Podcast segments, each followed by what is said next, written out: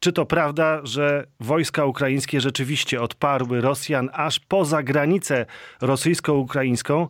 Tym samym no, oznacza to, że Rosjanie nie mogą ostrzeliwać już Charkowa, co robili od już kilkunastu tygodni. To znaczy, że może odbyć się kontrofensywa rosyjska? Jak pan to widzi? Od kilku dni siły zbrojne Ukrainy prowadzą zakrojoną na szeroką skalę kontrofensywę na północ od Charkowa. Faktycznie doszły do nas y, informacje, że Ukraińcy najprawdopodobniej doszli już do terenów przygranicznych i przejęły kontrolę nad przynajmniej częściami tej granicy pomiędzy Rosją a Ukrainą. Niemniej jednak w pewnych częściach jeszcze tutaj Rosjanie dominują zdecydowanie, ale sądzę, że w dłuższym terminie rosyjskie pozycje pozycje są nie do utrzymania, a wynika to z tego faktu, że szacuje się, że na północ od Charkowa znajdowało się tylko 3 do 5 w zasadzie rosyjskich batalionowych grup taktycznych, czyli możemy powiedzieć, że to było około 3 do 5 tysięcy żołnierzy, prawdopodobnie mniej z tego względu, że te jednostki były bardzo mocno już przetrzebione w walce i one nie były w stanie utrzymać swoich pozycji i zostały w dość łatwy sposób, trzeba powiedzieć, e, wyparte przez wojska ukraińskie. Z drugiej strony musimy pamiętać o tym, że na północ od tej granicy, a na południe od Białogrodu znajduje się według różnych szacunków Białogród, około... czyli to jest to, ta miejscowość, to miasto położone na terytorium rosyjskim. Tam też, tak, stamtąd tak, też tak. lecą rakiety na Ukrainę. Dokładnie tak, tak. To jest miasto, które się znajduje w odległości około 30 km od granicy z Ukrainą i w rejonie Białogrodu znajduje się według różnych szacunków około 15-20 rosyjskich batalionowych grup taktycznych, które teoretycznie mogą być przeznaczone na odparcie tego ukraińskiego kontrataku. Musimy też pamiętać o tym, że Rosjanie mają bardzo dobrze rozbudowaną artylerię, więc mogą w momencie, kiedy Ukraińcy podejdą bardzo blisko, mogą rozpocząć uderzenia artyleryjskie ze swojego terytorium, bardzo zmasowane uderzenia. Y, i tutaj oczywiście przychodzi nam na myśl sytuacja z 2014 roku, kiedy Ukraińcom bardzo dobrze szła kontrofensywa w Donbasie, no i poszła im za dobrze, bo Rosjanie w końcu e, postawili stopę na ziemi i zaczęli swoimi uderzeniami artyleryjskimi w zasadzie dziesiątkować ukraińskie podjednostki ale musimy też pamiętać o tym, że około 50 km na północny wschód od Charkowa znajduje się miejscowość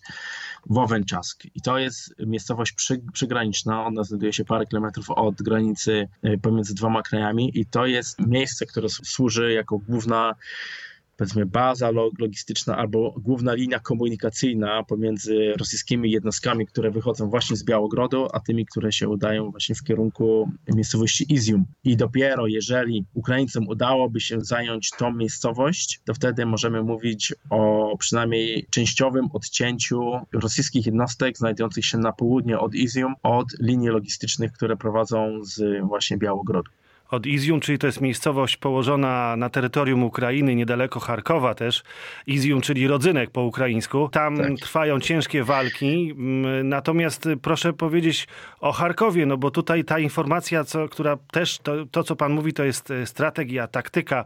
Natomiast dla ludności cywilnej Charkowa to są wspaniałe informacje, dlatego że artyleria rosyjska nie jest w stanie ostrzeliwać tego miasta. To znaczy artyleria lufowa nie jest w stanie ostrzeliwać tego miasta miasta, ale gdyby Rosjanie tak naprawdę bardzo chcieli, to mogą użyć swoich artylerii rakietowej, która ma zasięg około 90-120 km, więc teoretycznie dalej są w stanie to robić z terytorium Federacji Rosyjskiej.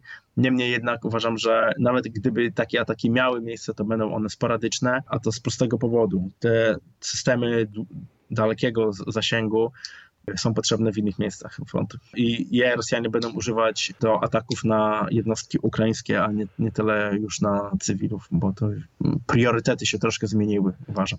No tak, bo teraz toczy się ta wielka bitwa w Donbasie. W takim razie jeszcze o uzbrojeniu Ukraińców. Dojeżdżają kolejne transporty z bronią, z ciężkim uzbrojeniem z zachodu. Mówiliśmy na początku wojny o takim symbolu, czyli o Bajraktarze, tym dronie tureckim, na którego temat powstawały nawet piosenki, ale który który mocno przyczynił się do odpierania ataków rosyjskich niedaleko Kijowa. Teraz chyba takim symbolem zaczyna być jedna z y, nowoczesnych amerykańskich armat. Dobrze mówię, czy haubic? Niech mnie pan tutaj wyprostuje, jeżeli chodzi o technologię.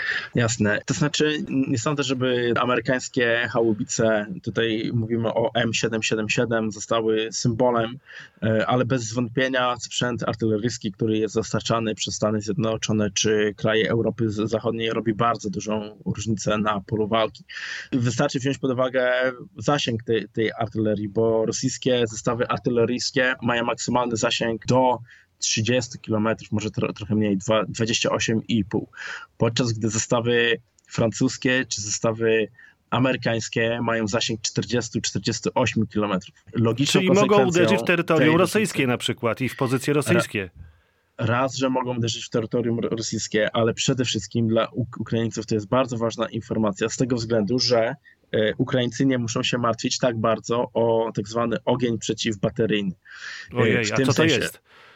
w, ty, w tym sensie, że na przykład Ukraińcy strzelają ze swojej artylerii, e, Rosjanie wiedzą, gdzie znajduje się ukraińska artyleria, ale nie są w stanie uderzyć na tę artylerię własnymi środkami artyleryjskimi, z tego powodu, że zasięgi ich armat są za krótkie.